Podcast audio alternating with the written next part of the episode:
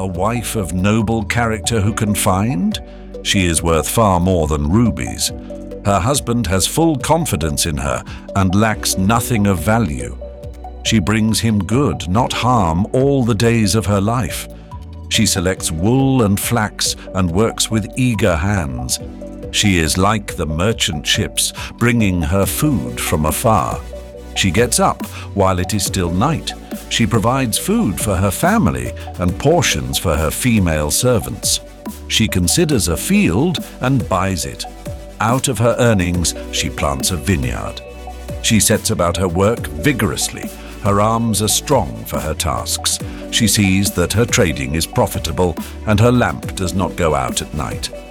In her hand, she holds the distaff and grasps the spindle with her fingers. She opens her arms to the poor and extends her hands to the needy.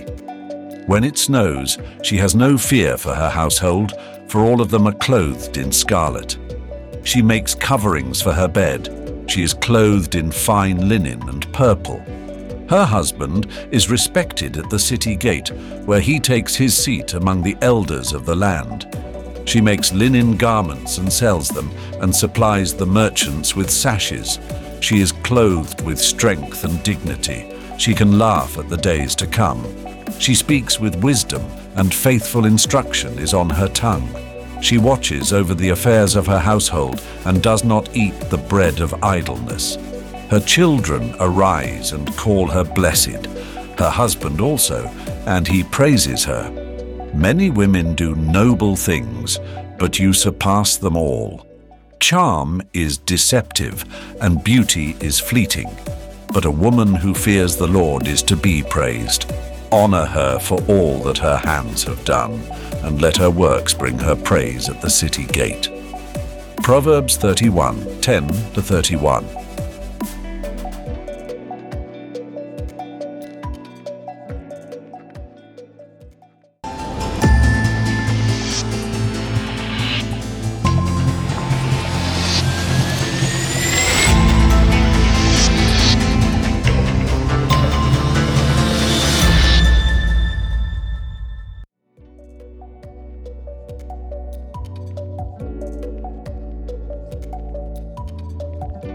Balance in the division of household duties between spouses is not just a practical issue, but also deeply psychological.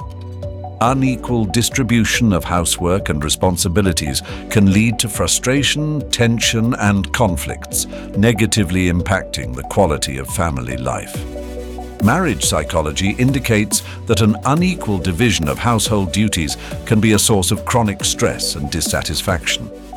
In situations where one side feels burdened with most of the housework, they may experience feelings of being underappreciated and overworked.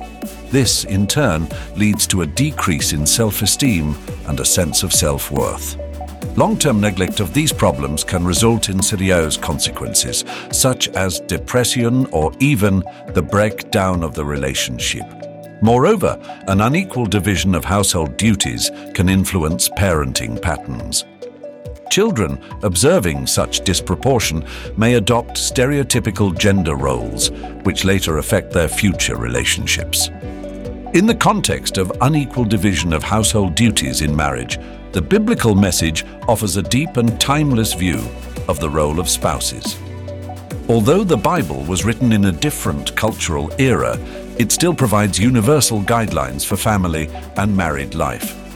According to the Bible, as early as the second chapter of the book of Genesis, marriage is the unity of two people who become one flesh. This idea of unity emphasizes the equality and interdependence of spouses. In the fifth chapter of the letter to the Ephesians, Apostle Paul writes, Husbands should love their wives as their own bodies. He who loves his wife loves himself. For no one ever hated his own body, but nourishes and cares for it. This thought suggests that caring for one's wife is equivalent to caring for oneself, implying equal division of responsibilities and shared accountability. The Bible also speaks of the importance of service and mutual support in marriage. In the fifth chapter of the letter to the Galatians, Paul encourages, serve one another in love. This message can be applied to everyday life, including the division of household duties. Serving each other in love in the context of household responsibilities is not just a matter of physical work, but more an expression of love, respect, and care for the well-being of the other person. It is worth paying attention to biblical figures who demonstrate patterns of equality and cooperation. In the 31st chapter of the book of Proverbs, we have the often quoted hymn of the valiant woman. The text shows the image of a woman who is both hardworking and respected by her husband. It is important to note that her value is not determined based on the quality of cleaning or baking, but wisdom, strength and dignity, which are emphasized and valued by her family. In the New Testament, especially in the teachings of Jesus and the letters of Paul, we find many references to equality and mutual respect between genders. Jesus often crossed cultural barriers, engaging women in dialogue, Paul, in the third chapter of the letter to the Galatians, writes, There is neither Jew nor Greek, there is neither slave nor free, there is neither male nor female, for you are all one in Christ Jesus. This idea of equality before God also extends to marriage, emphasizing equality and harmonious cooperation between spouses. This also means that one spouse is not the slave of the other, and each has the same right and duty to load the dishwasher or take out the trash without grumbling. The biblical message about equality and cooperation in marriage remains current and inspiring. Modern marriages, drawing from these ancient wisdoms, can build relationships based on mutual respect, love, and equality, where household duties are shared fairly. Such a family model not only creates a healthy and stable environment for the growth and development of each family member, but also becomes a testament to the love and harmony deeply rooted in Christian values.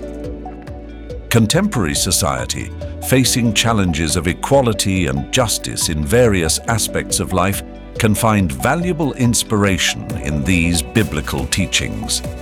In such a model, a woman does not have to vie for a masculine role, and a man should not hide behind a woman's back. It's about creating equal, synergistic, and supportive relationships in a partnership. Is this possible? Of course, sir, it is, but only under the condition that one has God in the heart and a clause in the trousers. And may God bless us all.